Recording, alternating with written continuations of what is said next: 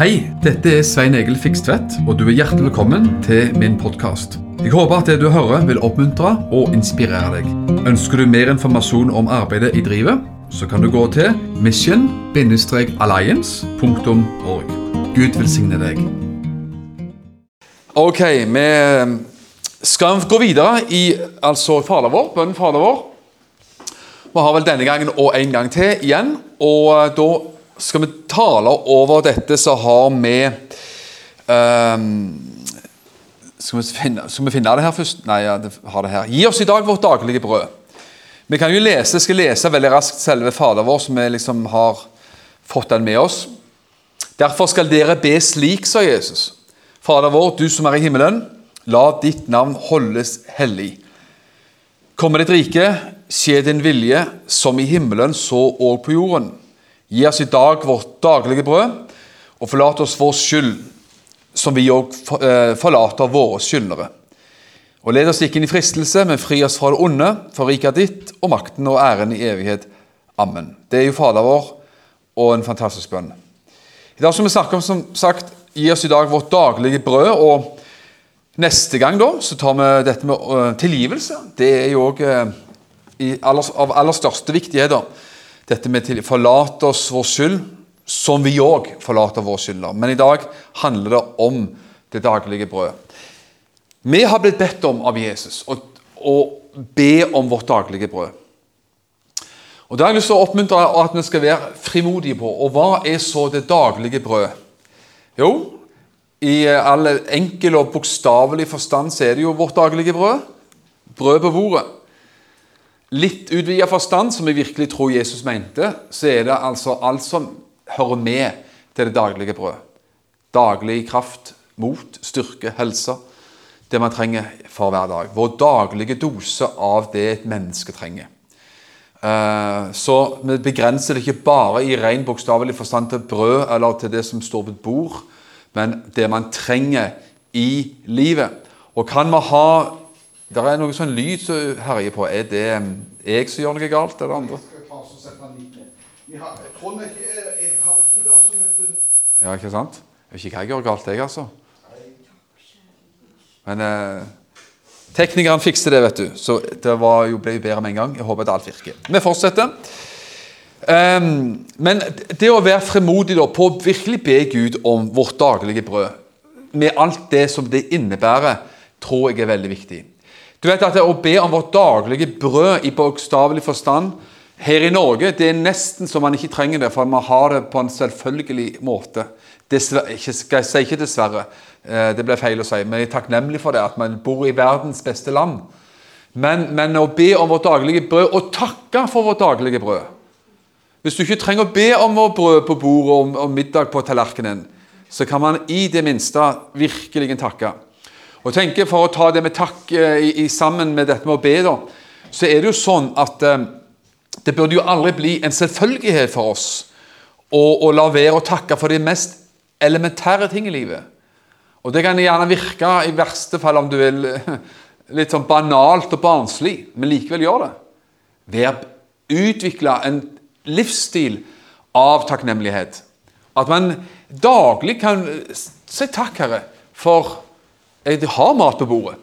Jeg har en seng å sove i, jeg har dyne å trekke over meg, jeg har tak over hodet. Jeg har ved i peisen, hvis du har det. hvis du har peis. Og så ha denne enkle takksigelseslivsstilen. Må jo bare si at Jeg vil eh, anbefale på det aller sterkeste at vi aldri tar det for gitt. Det som man likevel vet er nesten en selvfølge.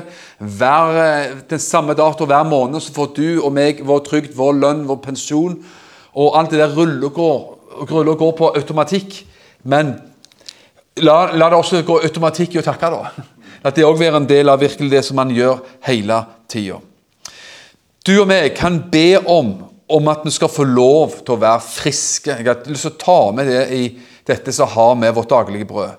Det er en daglig dose med krefter og helse. Du kan få lov, som vi har sagt allerede for lengst, be om å takke for mat på bordet. Be at vi skal ha overskudd i livet, krefter og godt mot.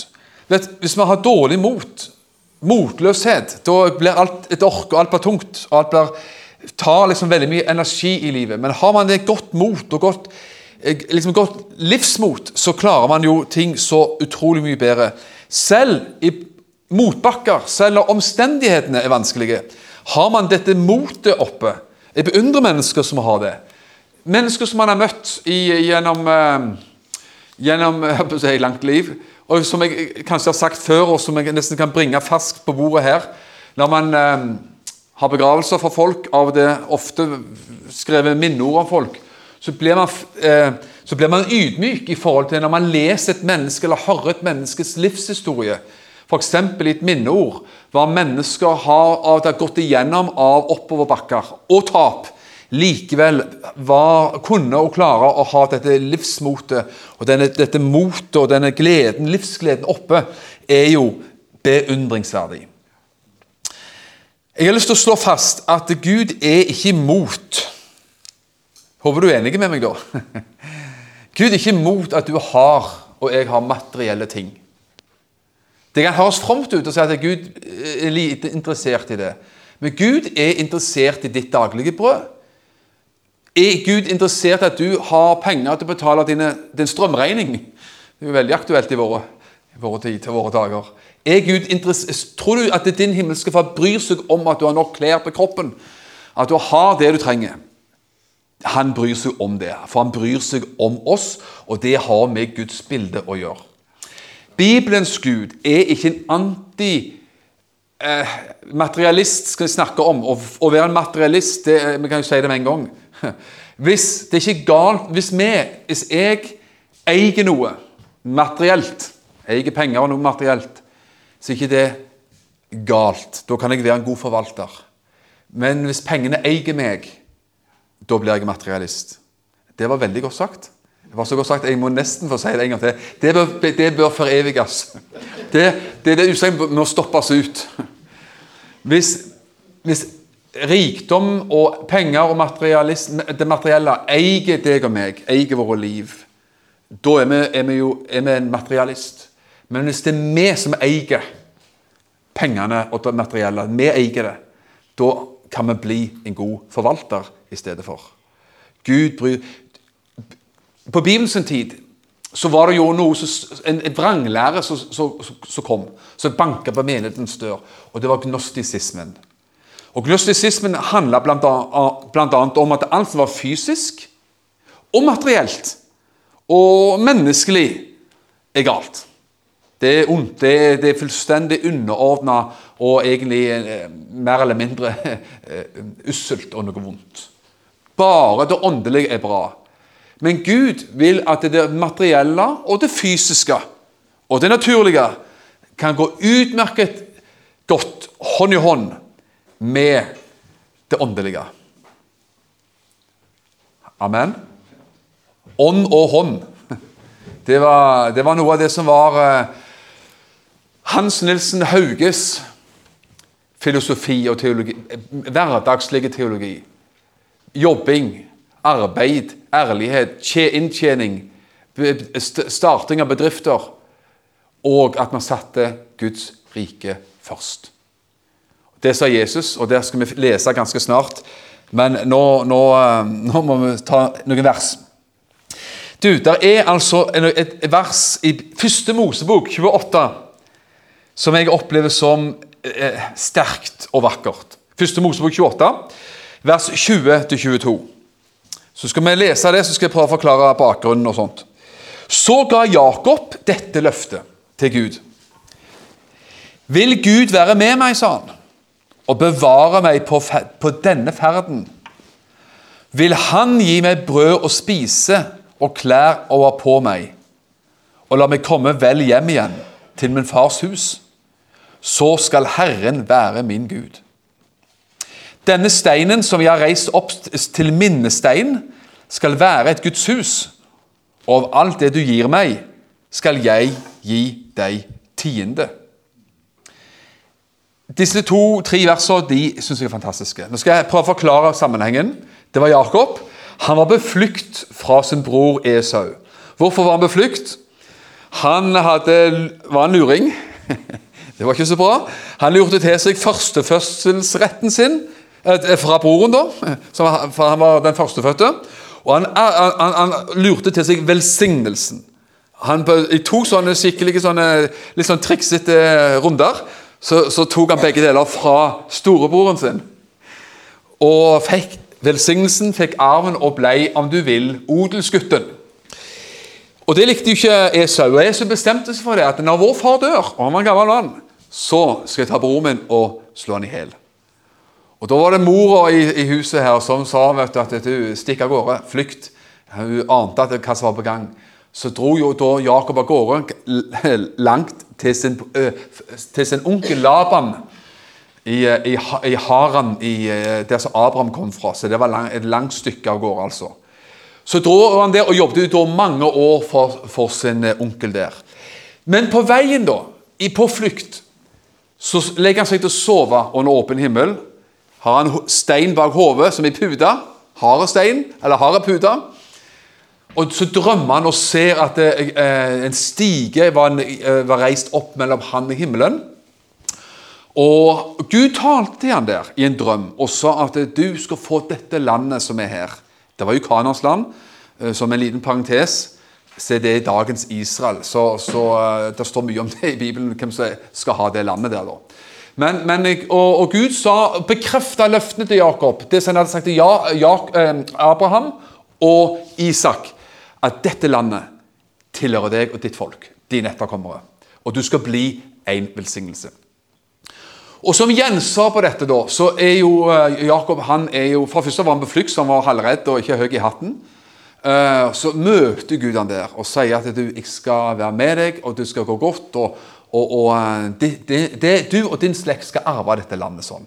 Og så kommer Jakob sitt gjensvar til Gud. Og jeg tenker på det, at hvis vi, det er mennesket Det er mennesket som møter Gud. Så jeg spør deg, har du noen gang hatt et spesielt møte med Gud? En opplevelse på et møte hjemme, privat, og, og med en åpen bibel, i bønn eller hva som helst? Så jeg tror veldig mange vil si jeg kan huske tilbake igjen til spesielle møtepunkt med Gud.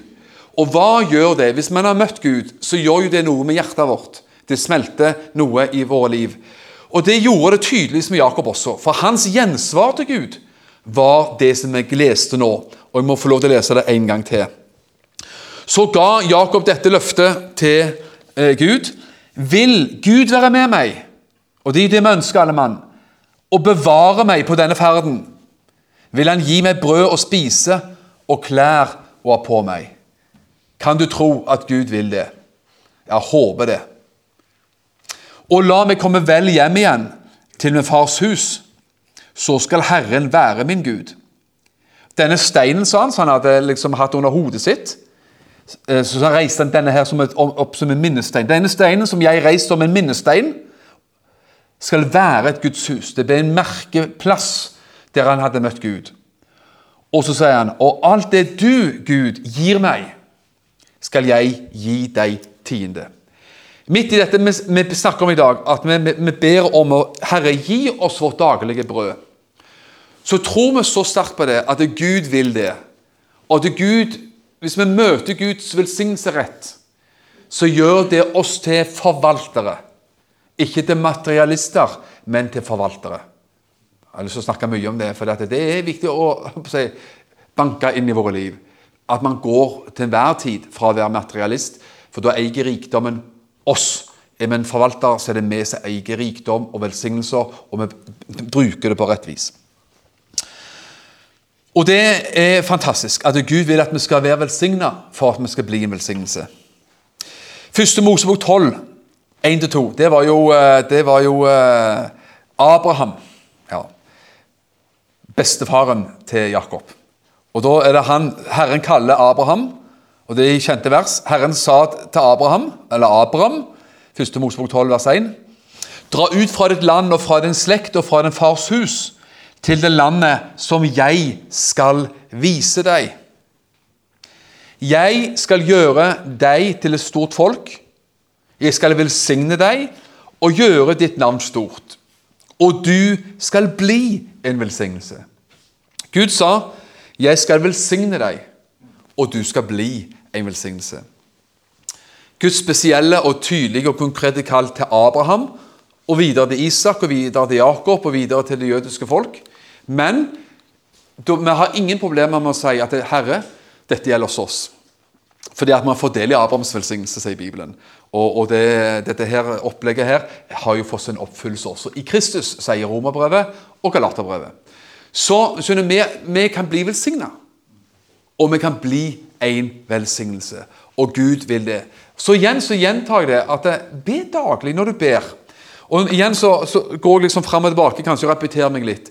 Men når vi ber f.eks. Fader vår og ber våre daglige bønner, så tror jeg så gjerne på det at vi kan be Fader vår sånn som man ofte gjør. Man ber rams, ikke ramse opp, det, liksom, høres litt slapt ut. Men ber fram Fader vår. Fader vår, du som er i himmelen, la ditt navn holdes hellig, osv. Men som jeg har sagt mange ganger, jeg tror like så vel så kan du ha lage og skrive ned på et papir Fader vår, du som er i himmelen, så har du det overskriften, og så lager du dine egne underpunkter på det. Gi oss i dag vårt daglige brød. Så lager du dine egne personlige underpunkter på det. Der du ber om at du skal ha det du trenger. Der du, du ber at du skal ha helse og krefter og godt mot. Der du ber om at du skal være velsigna for at du skal være en velsignelse. Og så putter du på det du sjøl vil under denne overskriften 'Gi oss i dag vårt daglige brød'. Det tror jeg virkelig på. Fordi vi bedt blitt bedt om å be om det. Og, og noen eh, forakter det. Altså, noen sier Jeg hørte nettopp et intervju med en kar på en podkast som jeg ikke var helt enig med eh, noen ting, i hvert fall. Og han sa at det, bønn er, Kan vi forandre Gud med vår bønn? Gud er uforanderlig, men Gud har jo sagt vi skal be for å få. Og Jakobs brev kapittel 4 sier at dere får, har ikke fordi dere ikke ber. Så hvorfor lage så mye problematikk ut av det? Jo, bønn forandrer oss. Men kan du tro likevel at bønn og ikke bare, Ja, det forandrer oss, men at det gjør også at vi kan motta ifra Gud.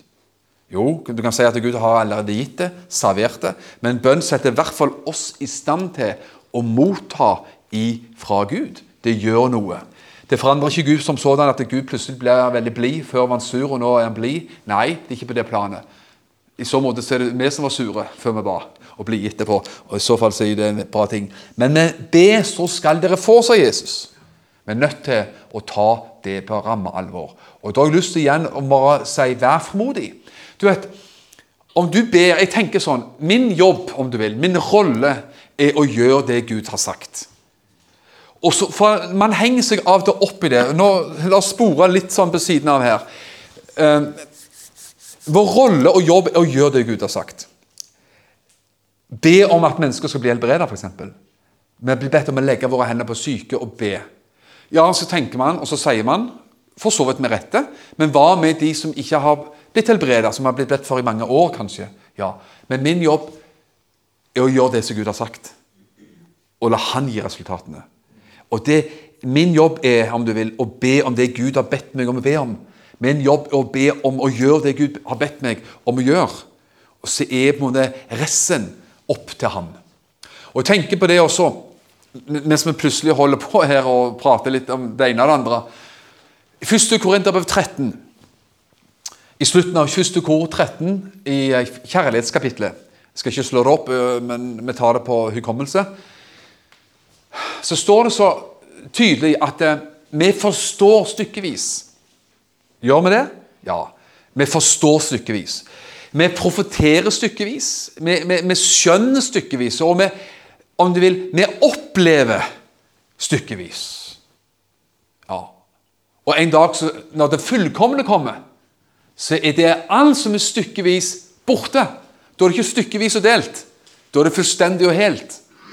Men nå lever vi i den tilstanden om du vil, og i den del av, på denne siden av evigheten som gjør at man ting er stykkevis og delt. Vi skjønner stykkevis. Vi profeterer stykkevis. Og for den saks skyld så ser vi Guds rike stykkevis, og ser bønnesvar stykkevis.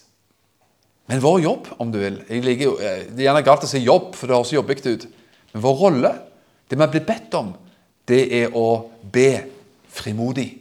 I tro og tillit til Gud. Og Det er viktig. Og da la det som en ikke har sett oppfylt ennå, hvile på Gud. Det tenker jeg er veldig viktig. Og tenker på det at eh, Tilbake til det som jeg sa tidligere, at jeg har blitt rett og slett ofte berørt og berika når man har f.eks. jobba med minneord, eller uh, møtt mennesker som har levd litt lenger enn det jeg har gjort. Og, og sett det, hvordan no, mennesker i mange tilfeller har vært så ved Guds nåde vært i stand til å legge på Gud, på Guds alter og på Guds, i Herrens hender, det som gikk galt. Det man ikke så, det man ikke forsto. Når man møtte veggen, når man møtte kriser, når man gikk på store tap i livet. At man kan klare å la det hvile og si 'Herre, jeg ser og forstår ikke alt på denne siden', men jeg tror jeg skal se fullkomment på den andre sida. Og la det ligge der, og ikke prøve å finne svar som gjerne ikke finnes, men si 'Herre, du vet svaret, du har svaret', og det svaret vil jeg få del i en gang der framme. Om Gud velger å gi oss noe av svaret nå, er det jo fint, men hvis ikke, så er det sånn at vi lever i det som er stykkevis og delt. Gud vil at vi skal være velsigna, og han vil at vi skal være til velsignelse for andre mennesker. De første kristne de ba i Apostelens gjerninger 4.24. Det er jo ganske selvsagt, men får ta det med likevel. Så De anerkjente jo at Gud har skapt alle ting. Og det som er skapt av Gud, det er gitt oss som gave til oss mennesker. Mat, naturen, alt som, som er skapt av Gud. Så det kan være mange ting som har kommet underveis som er en del av syndefallet, som ikke er av den gode sorten.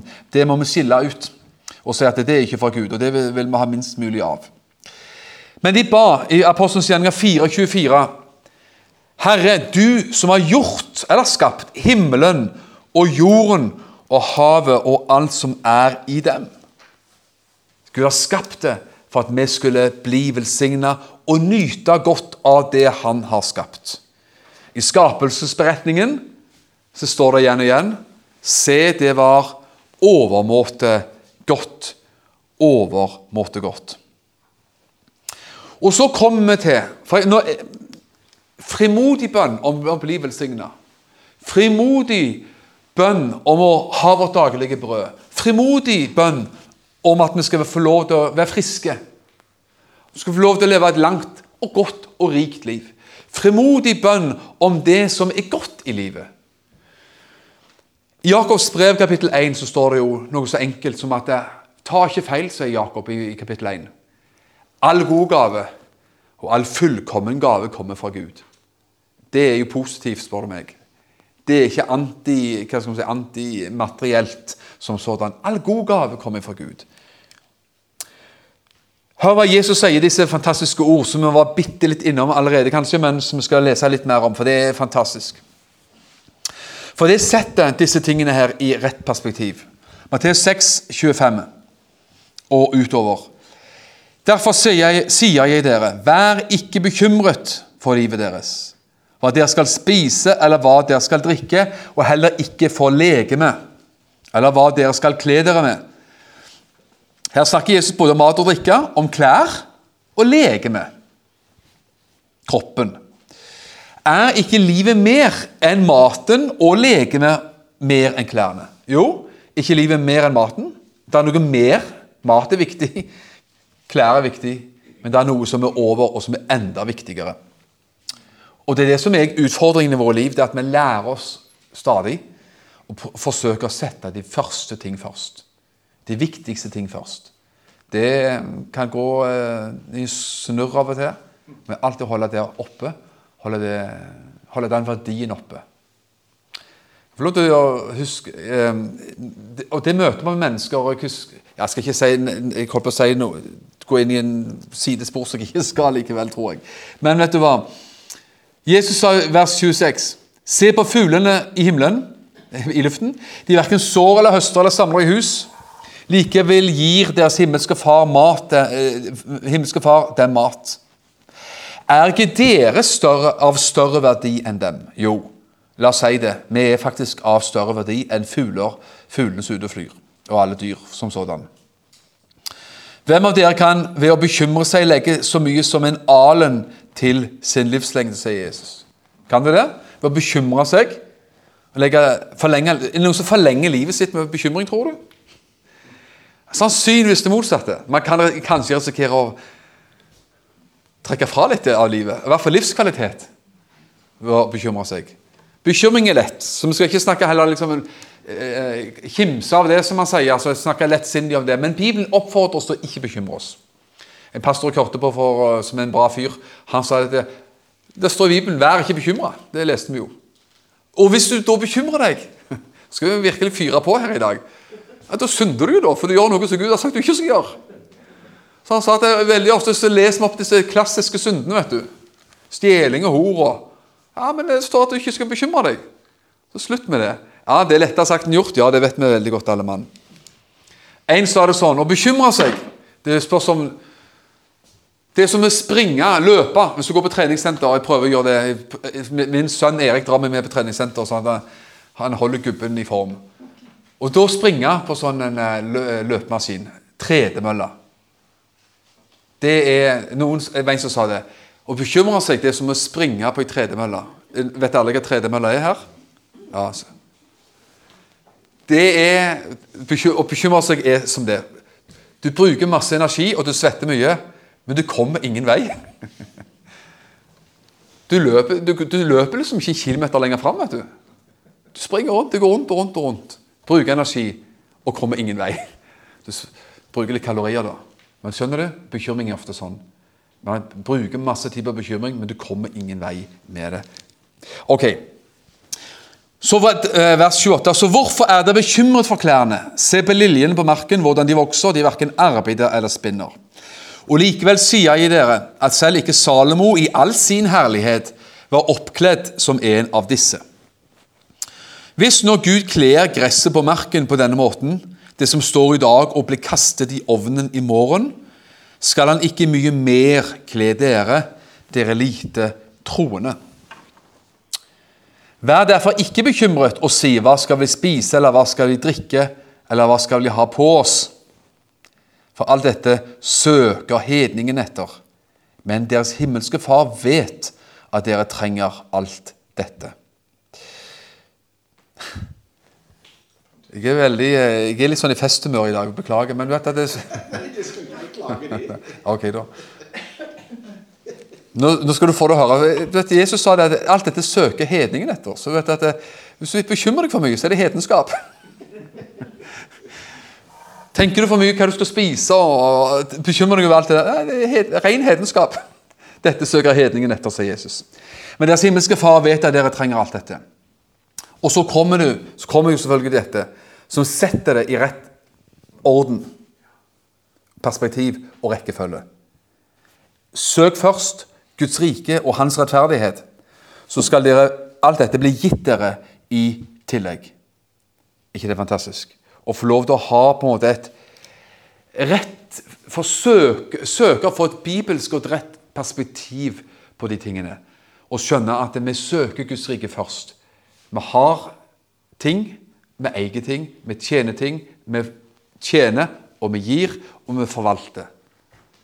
Og Jeg tenker jo det at det er lov det er ikke, det, jeg, jeg, jeg, er ikke den typen som vil stå her framme og si at det, du gjør en synd om du Hva skal man si? at det, har du, en, har du, en, bil som er ett og to år gammel, så er du materialist. Og har du en bil som er 15 år gammel, så er du en from person. Jeg skal ikke prøve å si det, og ikke verken prøve å si det, si det eller mene det. Så kan du tro at Gud kan unne deg noe godt her i livet. Faktisk. Er han så god at han kan unne deg et par bra ting her i livet? Jeg tror det. Men han ønsker at vi skal sette han først. At ikke noen ting eier oss, men vi eier ting. Og vi eier det til det beste for oss sjøl, men langt utover det. Også gjør det til beste for andre mennesker. Det er viktig å ha med for alt i verden. Gud vil at du, du og meg skal være en god forvalter. Så skal du få noen kraftige skrifter her. Fra 1. Timotees 6, vers 5-11. Som nesten kan se ut som en slags merkelig selvmotsigelse, men de henger godt sammen likevel.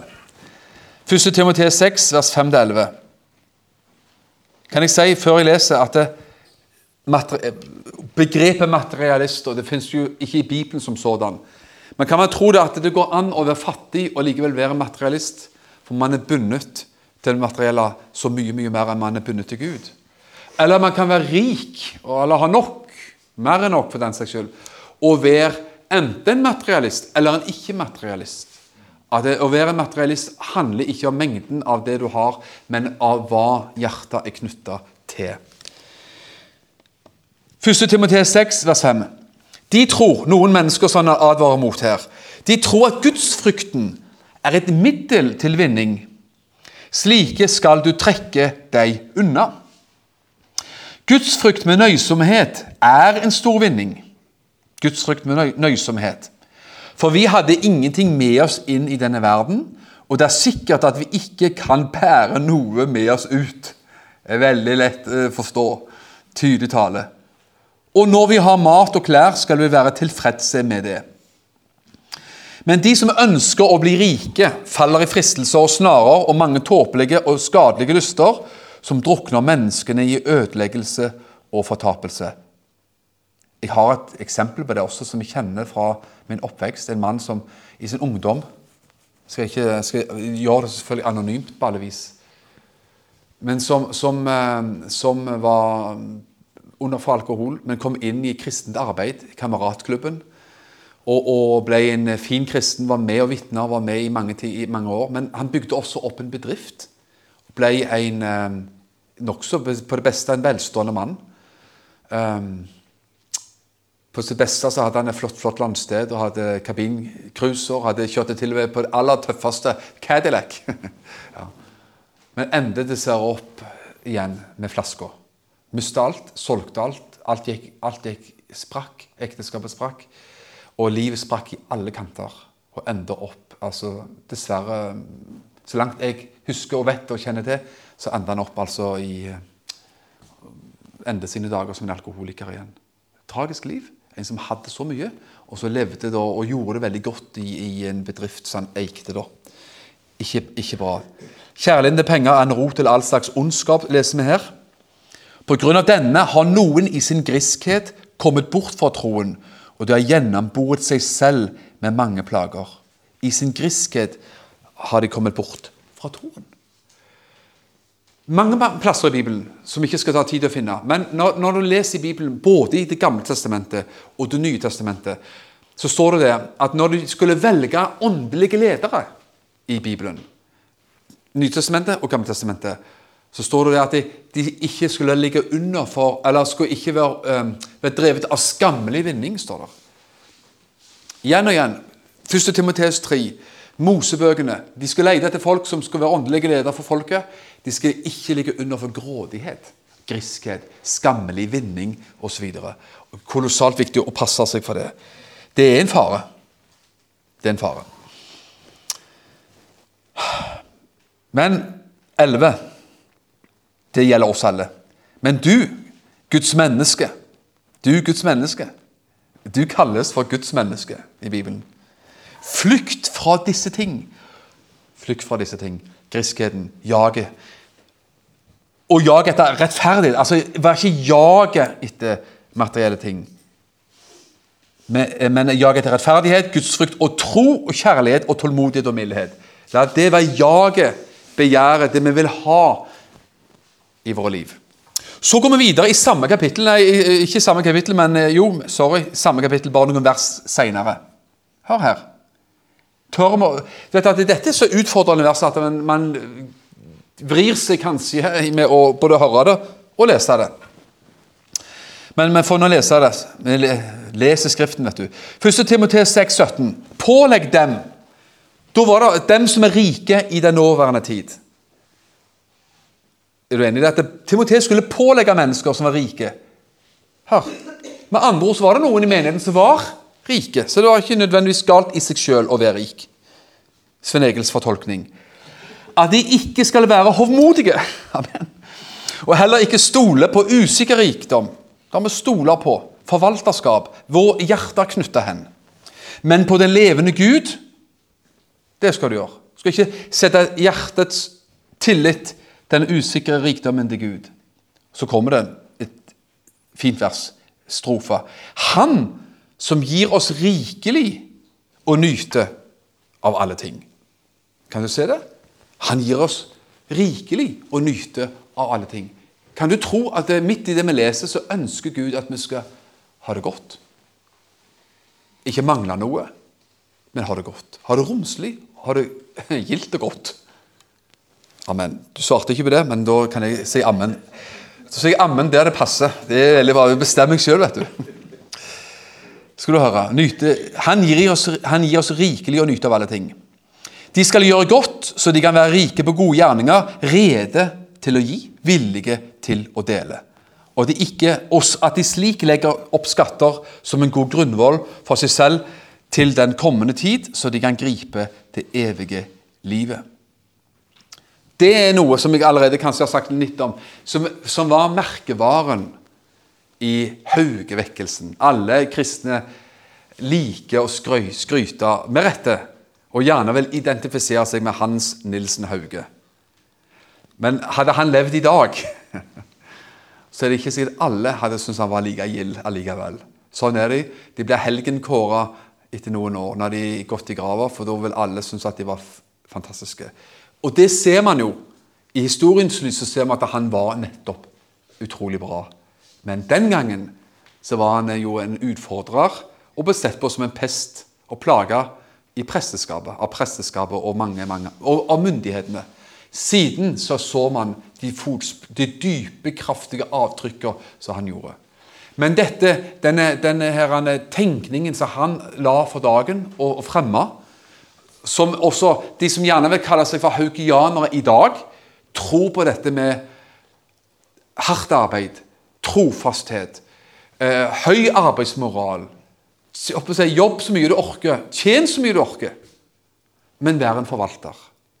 Del, vær en forvalter. Gjør noe, bygg noe med det du har fått. Bygg livet til andre, og bygg samfunnet rundt deg sjøl med det du har fått. Jeg tror virkelig på det. Og Mot slutten her så skal, skal jeg um, igjen bare slå et lite slag for dette. La oss be frimodig om vårt daglige brød. Amen. La oss be frimodig om det. Materielt, helsemessig, godt mot. Være involvert i Guds rikes arbeid, være involvert i andre mennesker sitt ve og vel. At man kjenner at man, man ber om å ha alt som vi kan gi så mye mer til andre mennesker på mange mange plan i livet. Be om også åndelig talt det, det daglige brød. Det daglige brød av Guds ord. Det daglige brød av, av Guds åpenbarelse. Så du har noe å levere ut på både åndelig og timelig til denne verden. her sånn. Men tilbake bitte litt til Jakob, som vi leste om i 1. Mosebok 28. Han sa av alt, han sa Gud, hvis du bare vil gi meg mat og klær og gi meg det jeg trenger, vær med meg, er du grei? Så sier han av alt det du gir meg, bare den siste setningen der Av alt det du gir meg, Gud, skal jeg gi deg tiende. Av alt det du velsigner meg med, så skal jeg gi tilbake. Skal jeg gi ut? Skal jeg velsigne til andre? Jeg tror det er så kolossalt viktig å nettopp gjøre det.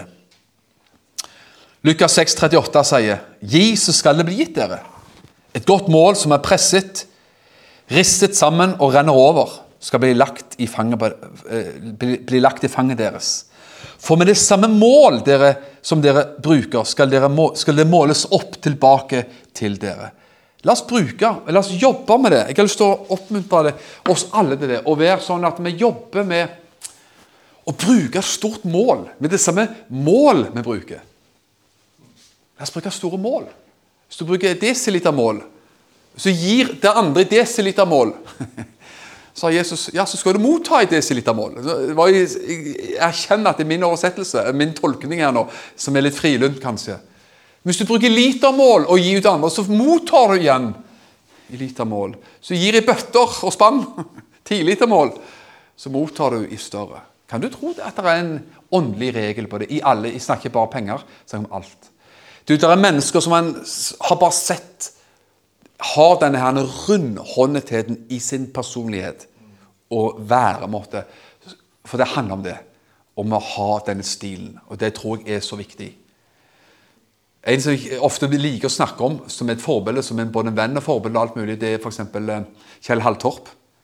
Jeg har sett han i, sett han i mange Vi har reist sammen, vært i Israel sammen, Egypt sammen i hvert fall. Og eh, jeg har sett Kjell i aksjon. Han har ikke bare, han har det også, han er kjent for å ha traktater på lomma og dele ut her og der rundt omkring.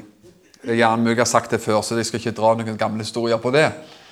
Når vi har vært på vei til Divisjon Norge, vet du, så har, er det alltid de samme bensinstasjonene som han er innom, er innom og leverer bok på disken og snakker om Jesus.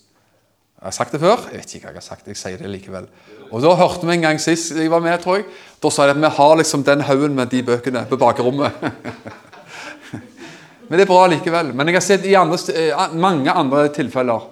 Var i Israel en gang og gikk til servitører og, så videre, og stakk til dem noen 10-20 dollar hver. og sånt. Velsigne det i år. Altså, er denne rund... Og, og, og for mange Man er rundhånda, man er ikke kneben. Man har ikke en knytta hånd, man har en åpen hånd i sin væremåte. Det er opplegget. Og jeg tenker også, Nå ble det plutselig utvidelse av alle ting her, av det vi prater om, men jeg følger med her. Så tenker jeg bare på det at vi må også med vår munn være sjenerøse. Med vår munn.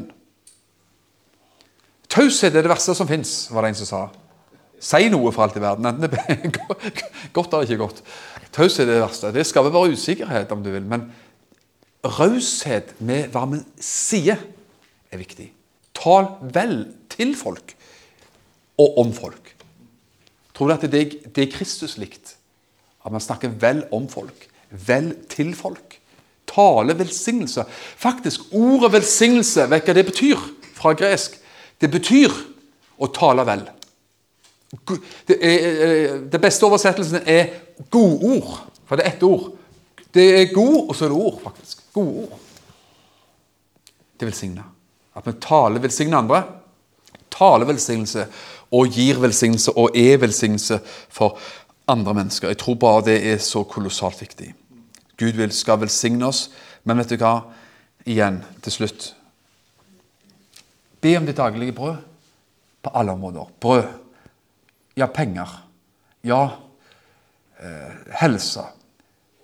Åndelig brød. Åndelig åpenbarelse. Åndelig noe du, du, ber om å bli velsigna. Herre, velsign mitt liv. Berik mitt liv. Gjør godt i mitt liv. Ta imot. Vær frimodig. Gud vil at du skal være frimodig, for da har du mer å gi til andre. Takk for at du har lytta til denne podkasten. Jeg ønsker deg en velsigna god dag.